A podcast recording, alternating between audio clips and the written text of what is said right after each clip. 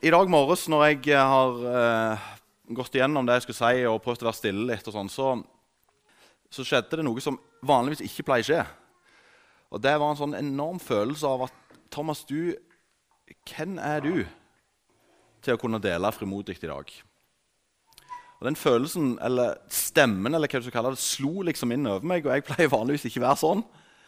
Eh, og det var ganske sånn eh, Følelse av Du har ingenting å komme med, Thomas. Eh, hvordan, kan, hvordan, kan, Gud bruke deg i dag, Thomas? Den følelsen. Og så ble jeg litt sånn Hæ? eh, sånn pleier jeg ikke å ha det. Eh, og så tror jeg det var en sånn sterk sånn Jeg tror Gud har lyst til å si til deg som kjenner på den følelsen Det handler ikke om deg. Det handler ikke om du føler at Gud kan gjøre gjennom deg. Så, men, så jeg tror vi, vi, trenger på en måte å legge det av oss, og så begynne der. Og Jeg tipper det er flere av oss enn meg som av og til kjenner på Nei, altså Gud kan ikke bruke meg på grunn av sånn og sånn og sånn. og sånn. Så skal vi begynne med å bare be om det. Så jeg har lyst til at dere skal joine inn litt, sånn med hjertene. Og bekjenn det. For Gud kan bruke deg uansett. Det handler ikke om hva du føler. Det handler ikke om hva du gjorde i går. Det handler ikke om det. Gud kan bruke deg. Utrolig, Det er jo sånn kjempeoppmuntrende på en søndag. Skal vi be litt? Jesus, tusen takk for at du kan bruke hver enkelt av oss. Gud, tusen takk for at du har ofra din sønn, sånn at vi kan fortjene. Sånn at vi kan være helt rene.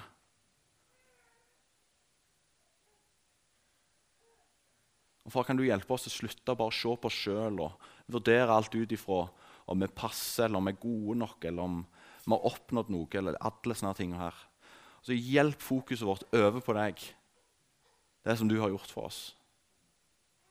Du har forvandla oss, Herre så ber jeg om at vi skal tro det, leve i det, fullt og helt, og omfavne sannheten om hvem vi er i deg. Takk for at du er her denne søndagen.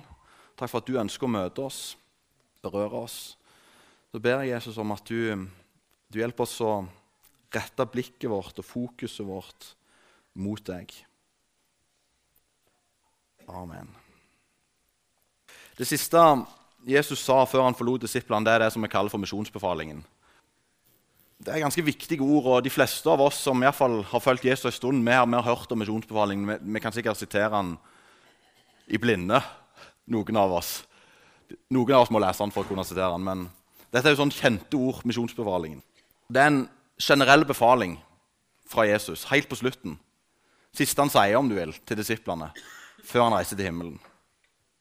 Skal vi prøve å lese det sammen står her hvis dere ikke kan det utenat. Vi gjør det sammen. Da trådte Jesus fram og talte til dem. Jeg har fått all makt i himmelen og på jorden. Gå derfor og gjør alle folkeslag til disipler. Døp dem til Faderens og Sønnens og Den hellige ånds navn, og lær dem å holde alt det jeg har befalt dere. Og se, jeg er med dere alle dager inntil verdens ende.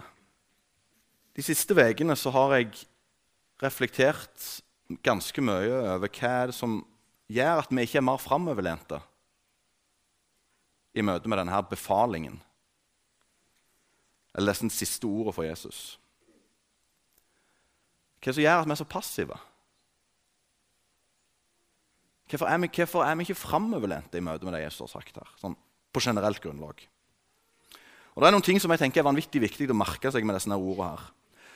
Rammene for det Jesus sier her, er jeg har fått all makt. Jeg er med dere alle dager. Jeg har fått all makt. Jeg er med dere alle dager. Tviler vi på det? Tror vi det? Sånn egentlig. Er vi usikre? Og i så fall, hvorfor er vi det? så er befalingen Jesus gir oss, gå og gjør disipler av alle folk. Og gå det handler om å bevege seg fra en plass til en annen. Det kan være geografisk, sånn som Oddgeir og Olaug skal. Men for de aller fleste av oss her inne så handler det ikke om å bevege seg geografisk, det handler om å bevege seg sosialt. Det handler om å bevege seg fra den trygge settingen inn i en annen setting med noen andre mennesker.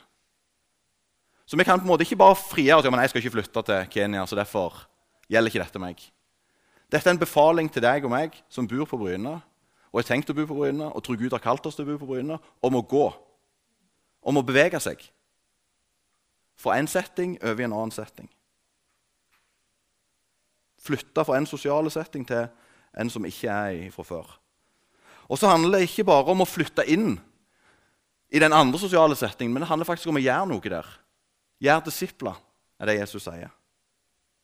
Alle folk, sier Jesus.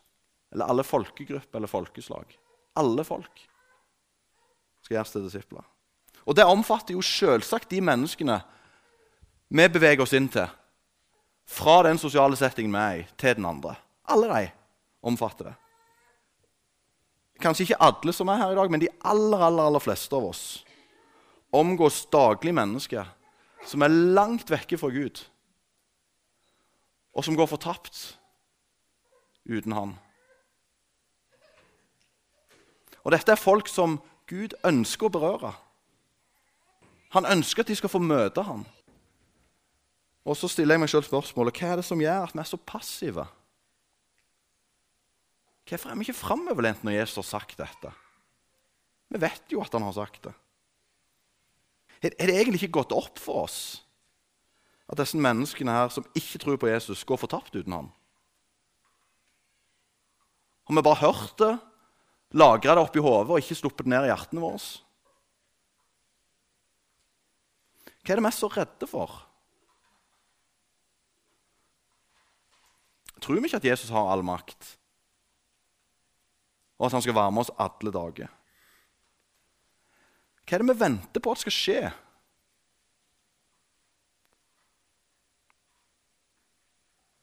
Hva er det jeg venter på at skal skje? Jeg vet ikke hvor mange her som følger med i kristenpresten. Det er jo et veldig smale greie, da, men jeg følger med litt. Eh, og nå I januar har det vært en god del oppslag om, omkring studenter og tru. Og Skolelaget i Norge sammen med navigatørene har gjort en, en omfattende undersøkelse med ca. 1000 kristne studenter. Og Den undersøkelsen er blitt lagt fram knytta til en konferanse som var i Trondheim for noen uker siden. Og Resultatet var utrolig lite positivt. Og Det er vanvittig mye som er interessant, og som vi kan på en måte se på. Det er refleksjoner rundt det ene og det andre, og forklaringer og osv. og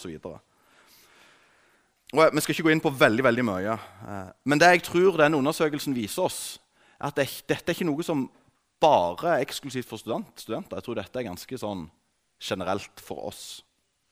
En som heter Einar Helgaas, skriver en kommentar på dagen 25.1 følgende. På hva han skriver. Den store majoriteten er passive og avventende i møte med den sekulære verden som omgir dem. Ni av ti mener kristne studenter lever med trua i skapet. Dette står bl.a. i stor kontrast til den frimodigheten vi ser hos de første kristne, som ikke bare var offensive med sin tru, men i tillegg klarte å dø for han. Denne Undersøkelsen sier bl.a. at ni av ti kristne studenter ikke deler trua si eller noe om trua uten at de blir spurt først. Ni av ti kristne studenter deler ikke at de tror, eller noe om trua uten at de blir spurt først. Jeg tror det er ganske likt deg, sånn som det er for oss. Så dette gjelder oss som sitter her på Bryne 3.2. denne søndagen. Jeg tror vi er i stor grad også er passive og avventende i møte med den sekulære verden. Jeg elsker bedehuskirka. Jeg, jeg syns det er fantastisk mye flott her. En haug med flotte, dedikerte folk som vil noe. Og ingenting av det skal nedgraderes. Samtidig med det så er det ytterst få som kommer til tro iblant oss. Hvor mange vet du om som kom til tro i 2018? Det er ikke så mange. Og det er jo det Jesus har sagt at vi skal gjøre. Gjøre disipler. Gå til alle folk. Så når det Jesus har på en måte befalt oss, ikke skjer, så tenker jeg det er greit at vi lar det på en måte synke inn litt. Så nå etter denne her innledningen så, så sitter jo alle litt sånn, sånn som dere sitter nå. Og jeg kunne brukt de neste 25 minutter på å bygge videre og lede oss til dårlig samvittighet. Det kunne jeg lett gjort. Det tror jeg hadde vært vanvittig lite lurt. For den dårlige samvittigheten hjelper oss ingenting. Så nå må dere bare høre meg si dette. Jeg er ikke ute etter dårlig samvittighet. Jeg tror ikke Jesus er ute etter dårlig samvittighet. Ikke i det hele. Samtidig med det så tror jeg Jesus liker at vi erkjenner sånn det er. Og hvis vi ikke kan på en måte si ting sånn som de er, så kommer vi heller ingen vei videre. Den erkjennelsen er vanvittig viktig. Og så heldigvis er det sånn Vi slipper å velge å få dårlig samvittighet. Vi slipper å velge å gå inn i alle mulige slags unnskyldninger og forklaringer. Det kan vi gjøre en annen dag.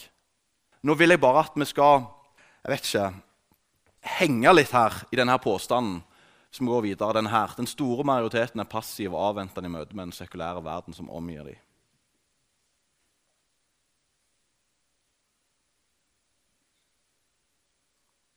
Det fins en haug med forklaringer på at det er sånn. Og jeg tror at Av og til kan det være lurt å avsløre dem, se på dem, prøve å gjøre noe med dem osv. Det tror jeg er lurt. Men vi skal ikke adressere så mange av disse forklaringene i dag. En annen dag, kanskje. Det jeg har prøvd å gjøre nå, jeg prøver å beskrive en slags sånn barriere. En vegg, om du vil. Som jeg tror mange av oss kjenner oss igjen i. At vi er litt passive og avventende i møte med den sekulære verden som omgir oss. Vi går ikke. Sånn jeg tolker misjonsbefalingen, så er det å gå den aktive, bevisste bevegelsen fra der jeg er, til der Gud sender meg. Det er ingen som ikke blir sendt. Det er ingen som ikke kan gå. Jeg tror vi har lett for, I plassen for å gå, så flyter vi. Vi flyter liksom bare litt rundt og håper at det skal dukke opp en samtale der vi kan dele Jesus. Vi håper det skal dukke opp en situasjon som vi har kontroll på, eh, som vi er forberedt på, eh, som vi takler og håndterer. En situasjon som, som ikke blir ukomfortabel, men det er fortsatt komfortabelt. Det er ikke krevende. Vi har full kontroll. Det, det er å flyte, det er ikke å gå. Og jeg tenker at det er passivt og avventende. Jeg tror vi er vanvittig gode til å flyte, egentlig. Og jeg tror mange av oss er sånn at Hvis situasjonen hadde kommet, så hadde den vært kjempeklar. Hvis den hadde kommet da.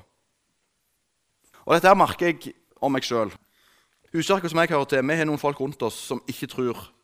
Og som vi ber for så ofte vi kan. Og vi prøver å bruke tid med, med vekt på å prøve. Og jeg merker hvor enormt lett jeg har for å tenke at noe skal bare skje helt av seg sjøl. Disse skal bli gjort til disipler helt av seg sjøl. Sånn tenker jeg. Det, det, skal liksom bare skje. Helt sånn. Helt plutselig så bare skjedde det. Og i den tanken så blir jeg vanvittig passiv. Jeg bare avventer på at det skal skje et eller annet som jeg kan respondere på, som ikke er krevende, og som gjør at jeg har kontroll og vet hva jeg skal gjøre, og vet hvordan jeg skal møte situasjonen osv. Ofte så er jeg gode forklaringer på at jeg blir litt sånn avventende. Jeg kan forklare det vanvittig godt. Jeg kunne satt meg ned og argumentert ganske godt for at det er lurt å være avventende og passive. Og så merker jeg at når disse gode refleksjonene mine blir stilt opp mot denne befalingen fra Jesus om å gå, så det vil si å aktivt bevege meg, så er det sånn ja, Det var ikke noen god refleksjon likevel. De, akkurat som de ikke holdt like godt når de kom ut av hodet mitt. Det blir på en måte det blir fort bare dårlige unnskyldninger i møte med Guds kjærlighet til disse menneskene gjennom Jesus. Det er jo det som er virkeligheten. Du, du har på en måte på den ene siden Guds kjærlighet gjennom Jesus til noen folk som går fortapt uten han, og så er, så er jeg liksom en sånn argument her. Det blir, det blir, på en måte sånn. Guds kjærlighet til disse menneskene. Det er jo det det handler om. Og så er jeg bare passiv og avventende. Som oftest fordi jeg preges av menneskefrykt. Så husk dette her da. Vi trenger ikke få dårlig samvittighet eller gå inn i motløshet. Det det er ikke det Jesus vil for oss. Det hjelper oss ikke.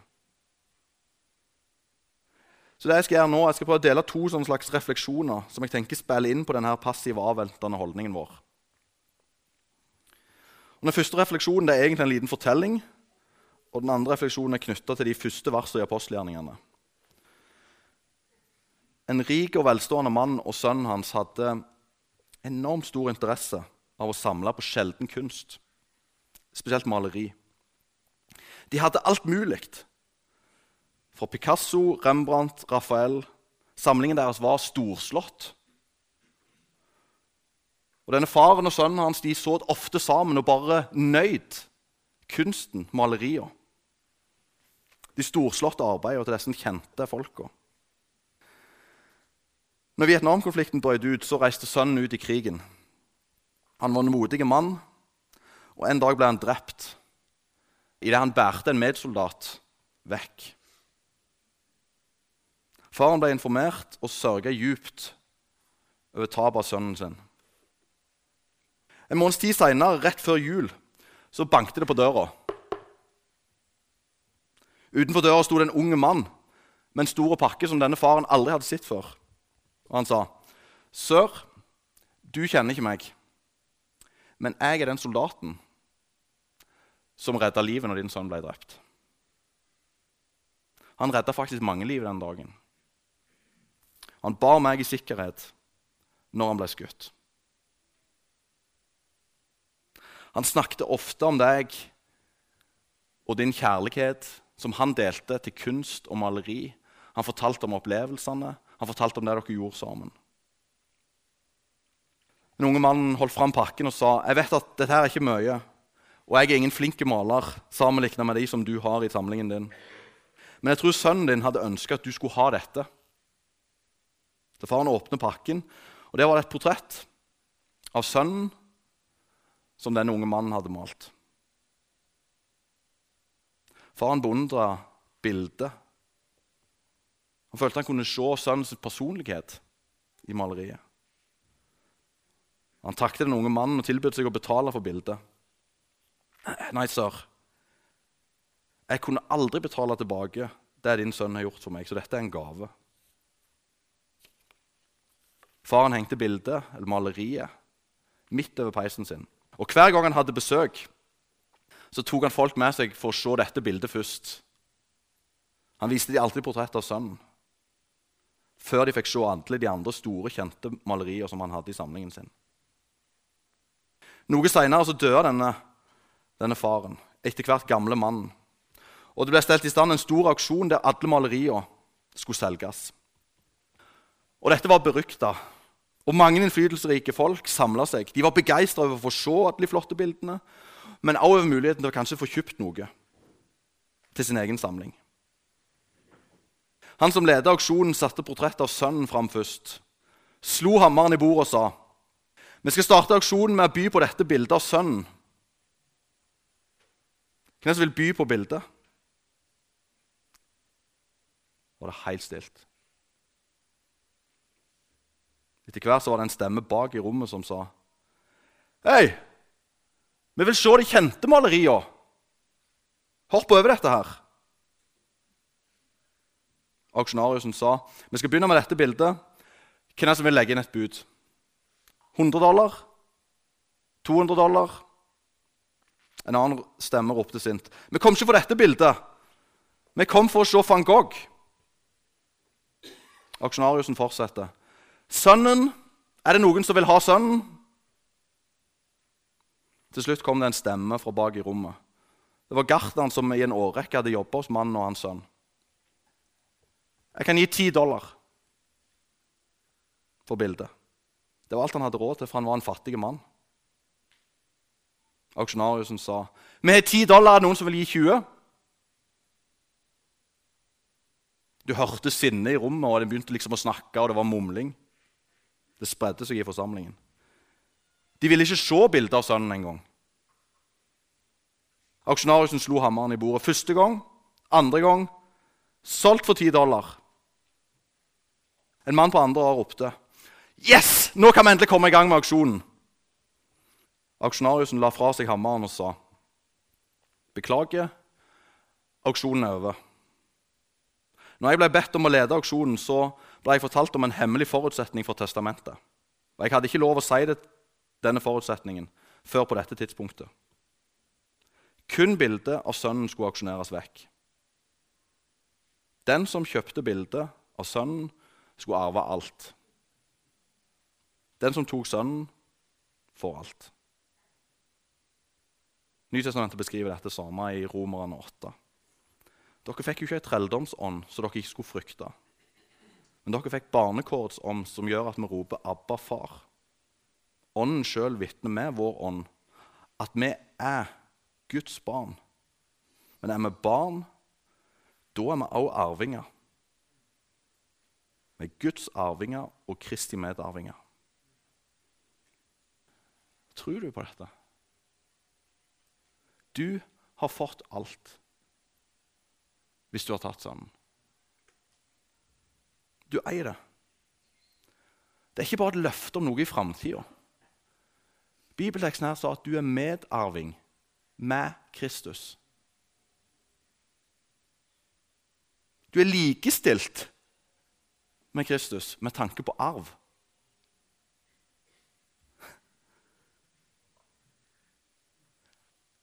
Tror du det? Du er likestilt. Du har fått alt. Og det er ikke bare om framtida, det er om nå. Og det er liksom mer her. Dette med arv henger jo sammen med identitet. sant? Jeg arver mine foreldre fordi jeg er barn av mine foreldre. Det er den jeg er. Din identitet er ikke lenger den du ble født med. Din identitet er at du er blitt ett med Han som har dødd for deg. Paulus sier en hel haug med plasser i Kristus. Det er et veldig spesielt uttrykk. Vi er jo i Norge eller i dette rommet eller vet ikke jeg i Kristus. Hva betyr det? Det er egentlig en beskrivelse av at vi er i en identitet. Så på samme måten som Jesus var Guds sønn, så er du det. Altså, det, det, Vi må la dette slippe inn, folkens. Jeg tror det er så mange av oss som går rundt og lever i en slags sånn greie at vi prøver bare. Så får vi det ikke til. Så blir vi passive. Og så har vi ikke forstått at Jesus har løfta oss ut av det og gjort oss like med seg sjøl. I Kristus. Det er vanvittig gode nyheter. Og så er det mer her. På samme måte som du har fått hans identitet, så tar han på seg din. Han som ikke visste av synd, har Gud gjort til synd. Han som ikke visste av synd, har Gud gjort til synd. Din identitet er tatt på han. Synd er fremmedgjøring fra Gud. Synd er separasjon fra relasjonen med Gud. Så Jesus blir vår fremmedgjøring, vår separasjon og vår isolasjon fra Gud. Så når Jesus roper 'Min far, hvorfor har du forlatt meg?' så er det virkelig. Jesus ble gjort til synd. Jesus tok på seg din identitet, og du får hans. Tar du sønnen, så får du alt.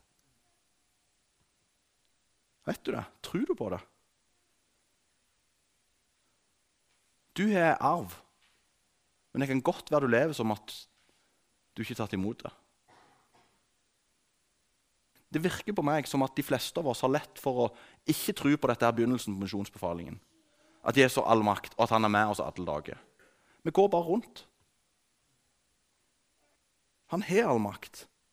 Han skal være med oss alltid. Og vi har fått alt hvis vi har tatt sønnen, da. Hvis du har fått alt, tror du han kommer til å svikte deg hvis du går? Tror du det? Seriøst, folkens. Vi tror vel ikke det? Du har fått alt. Jeg skulle ønske jeg kunne liksom banke dette inn i hodene våre på et eller annet slags vis. Du har fått alt hvis du har tatt sønnen. Den andre refleksjonen er henta fra begynnelsen av apostelgjerningene. At vi skal få kraft. Og jeg synes Det er veldig fascinerende å lese om denne overgangen. Jesus har vært sammen med disiplene. Så sier han misjonsbefalingen. Og så forlater han jorda. Forlater disiplene. Det er en overgang her som jeg, er, jeg synes er vanvittig mye fascinerende. Det er det første kapittelet i apostelgjerningene. Mange småting. Jeg, jeg, kunne sikkert, jeg kunne gått inn i mange av de der. Det er sånn, ah, Her er det mye gull.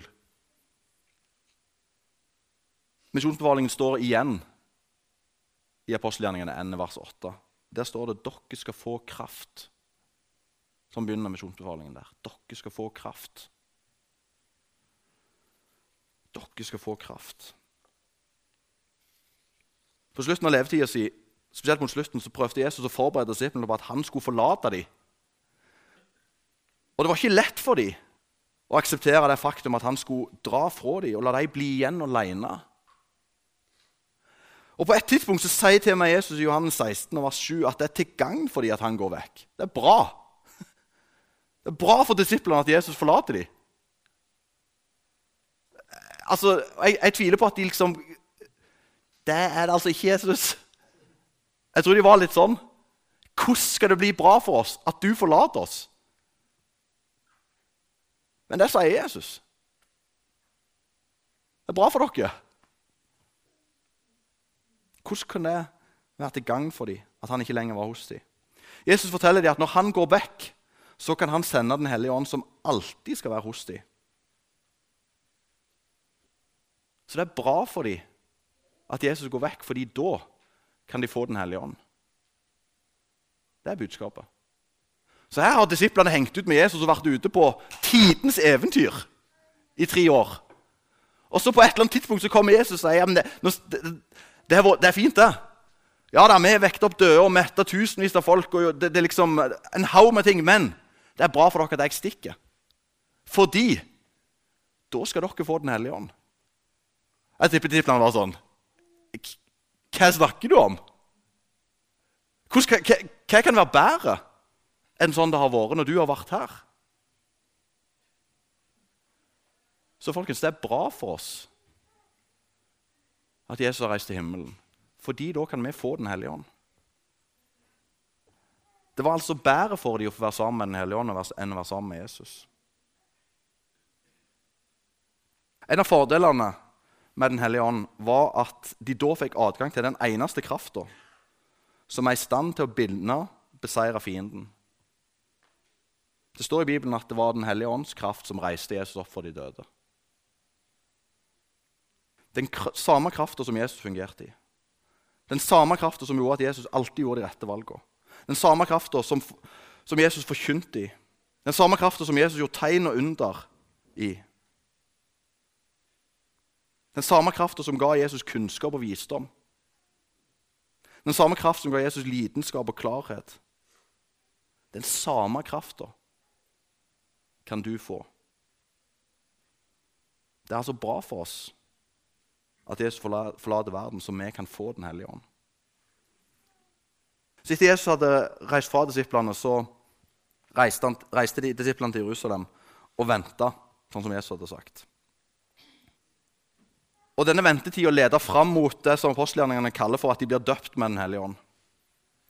Og Den åndelige kraften til å utbre Guds rike gjennom Den hellige ånds dåp her brukes, Det brukes tre forskjellige uttrykk i apostelgjerningene for dette. En skal bli døpt med Den hellige ånd, Den hellige ånd skal komme over dere, og fylt med Den hellige ånd. Så skal jeg gi en sånn liten bare sånn kommentar. Om vi blir døpt eller fylt med Ånden en eller mange ganger, om det skjer med omvendelse eller etter omvendelsen, om det er fysisk bevis for at det skjer Disse tingene her er viktigere for enkelte kristne enn for andre. Og Poenget er, uansett sånn jeg ser det Uansett hva du mener, så trenger vi å motta Den hellige ånd. Vi trenger å motta overnaturlig kraft til liv og tjeneste, sånn at vi kan tjene Gud best mulig. Det er budskapet. Du trenger å motta Den hellige ånds kraft til liv og tjeneste. Det er budskapet. Enkelt og konkret sagt Du trenger å motta Den hellige ånd. Du. Ikke de andre. Ikke, det, er ikke, altså det er ikke bare taleren eller en eller annen. Jeg ville sagt det er mye bedre at alle dere får Den hellige ånd, og jeg ikke får det, enn motsatt. Du trenger å motta Den hellige ånd. Til kraft, til liv. Sånn at Gud kan virke gjennom deg i denne sekulære verden som vi er så passive og avventende i møte med. Kort fortalt så er jeg sånn, jeg er overbevist, om for hver en av oss som følger Jesus, er det her å bli fulgt av Den hellige ånd det er livsforvandlende og avgjørende i livet vårt med Gud. Jeg tror vi trenger erfaringen av åndens kraft i livet vårt i mye større grad enn det vi har. Jeg tror at uten Den hellige ånd og erfaringen så vil kristenlivet vårt være tørt, rutinepreget og ganske ordinært og kjedelig. Så for Bibelens ståsted så er det ingen her inne som ikke trenger Den hellige ånds kraft. Vi trenger den dimensjonen i livet vårt.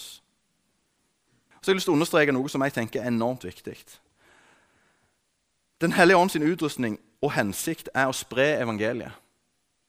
Det er derfor vi får Den hellige ånd. Nå skal jeg inn på litt sånn, eh, nå må dere høre meg ferdig her. Det er litt sånn minefelt, kanskje. dette her. Mange har lett for å snakke om at en har store opplevelser med Den hellige ånd. Og det tror jeg er sant og ekte.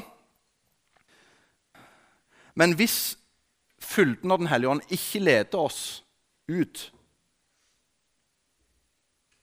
så tror jeg egentlig vi bommer. Den hellige ånd utrustning har til hensikt å istandsette oss til å være vitne. Misjonsbefalingen i apostelgjerningene sier det. Dere skal få kraft til å være mine vitner. Altså, Det er en slags misjonerende drivkraft. Hvis det bare blir opplevelsen, så blir det til slutt innadvendt og egoistisk. Og det er som regel sjeldent av Gud når det leder oss den veien. Det blir en egoistisk opplevelse og kun det. Det er aldri meint å være kun det. Opplevelsene kan være sanne og ekte. Det er jeg all for. Men hensikten med Den hellige ånd er å sette oss i stand til å være vitne.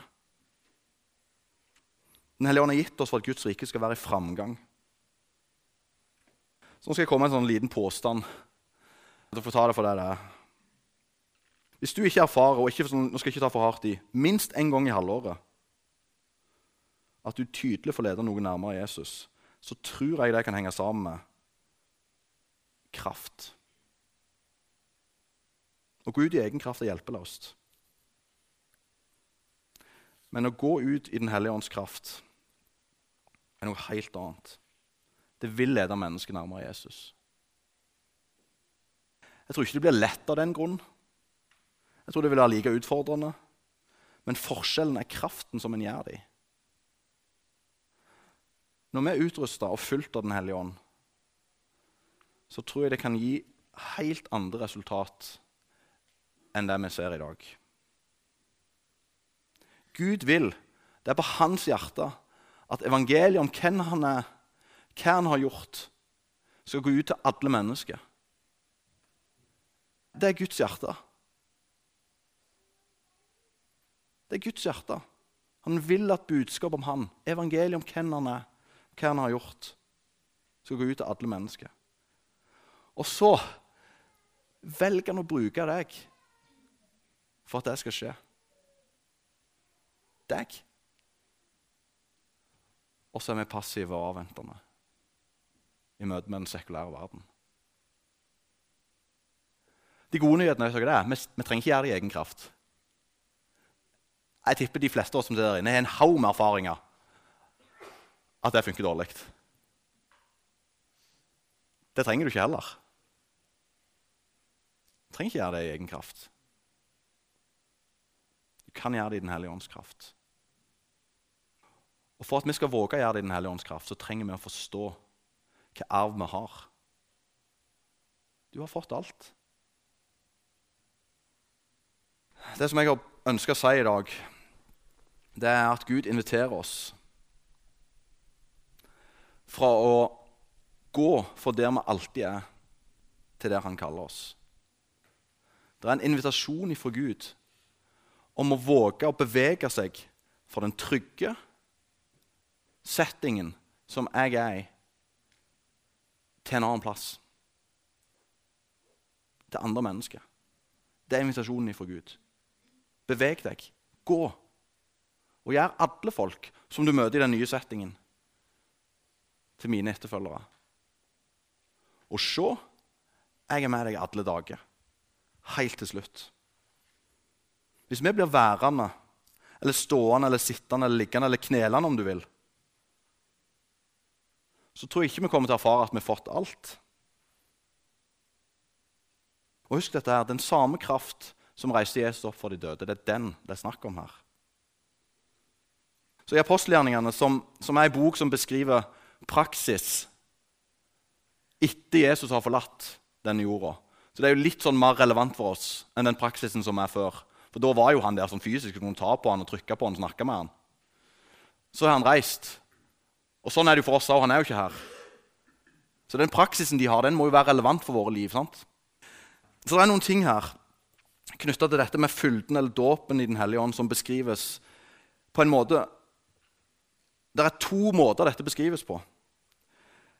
Det ene er at en mottar noe ventende, som regel med forbønn. Så denne krafta den mottas ventende med forbønn. Det står det om en haug med ganger i apostelgjerningene. Det andre er at denne krafta erfares når jeg går. De to tinga. Og vi er så veldig lett for å tenke at det, ja, men vi, vi, velger bare den ene tingen.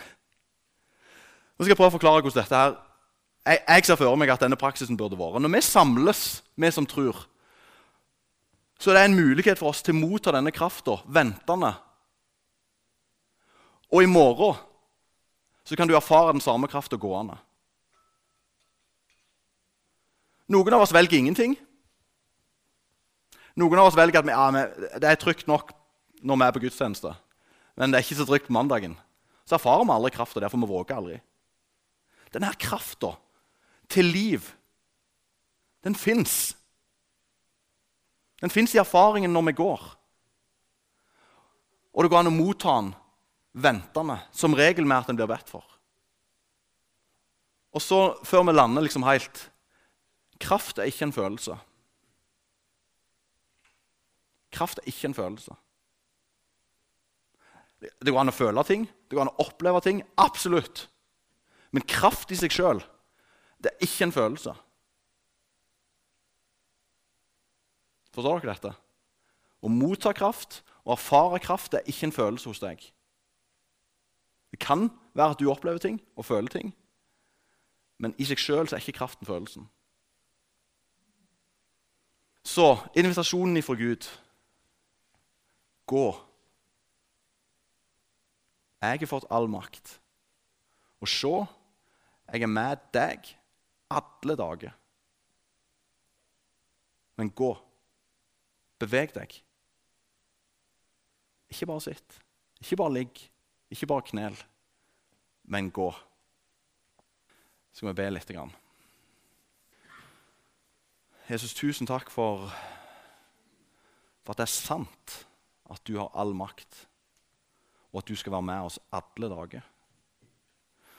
Og så vet jeg for min egen del at Det er, det er så vanvittig vanskelig å sånn, tro det er praktisk. På tirsdag ettermiddag, liksom. Det er så vanskelig å tro det er praktisk.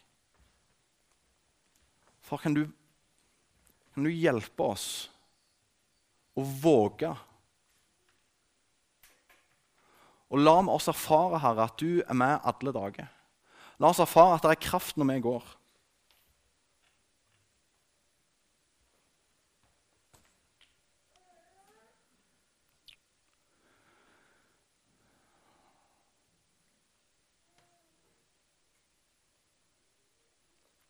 Ok, Før vi går over til forbønn, så tenker jeg at eh, vi skal gi litt sånn mulighet til å ta imot kraft ventende.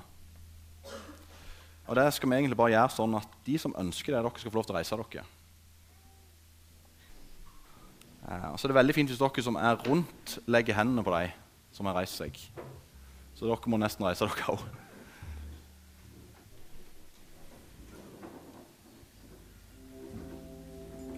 Og så skal vi, vi skal, nå skal vi ikke gjøre sånn vanvittige forbønn. Nå skal vi bare be om å bli fulgt med Den hellige ånd.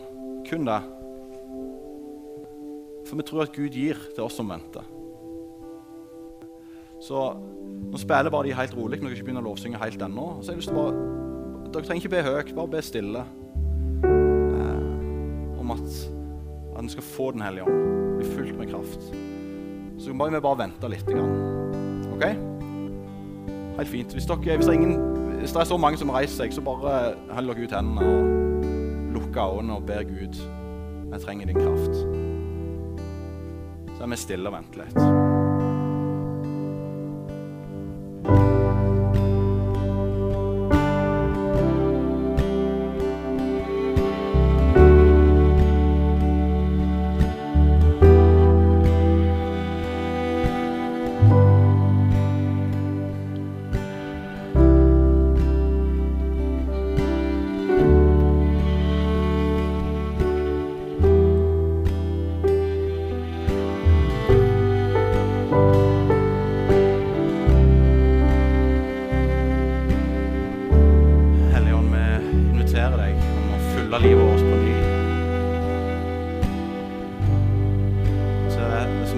På med som er uten kraft. For vi lengter etter å komme inn i en erfaring av at din kraft virker. Til livsforvandlinger. Så jeg ber om at du hjelper oss til å våge. Og ikke bare være passiv og avventende i møte med den verden som er rundt oss. Men at vi tar initiativ fordi vi vil bringe lys inn. Takk Jesus for at du vil. Du ønsker å bruke oss. Takk for at det er ingenting i livet vårt som, som, som hindrer deg. Takk for at vi, vi trenger ikke å føle at vi er gode nok. Nå ber jeg Jesus om at du setter oss i stand til å bringe evangeliet om deg til nye mennesker her, til livsforvandling. Gi oss frimodighet, Herre. La oss komme forbi frykten, redselen, Herre. Hellige Ånd, kom og følg oss. Og la oss erfare det i morgen, at det er kraft som virker når vi går.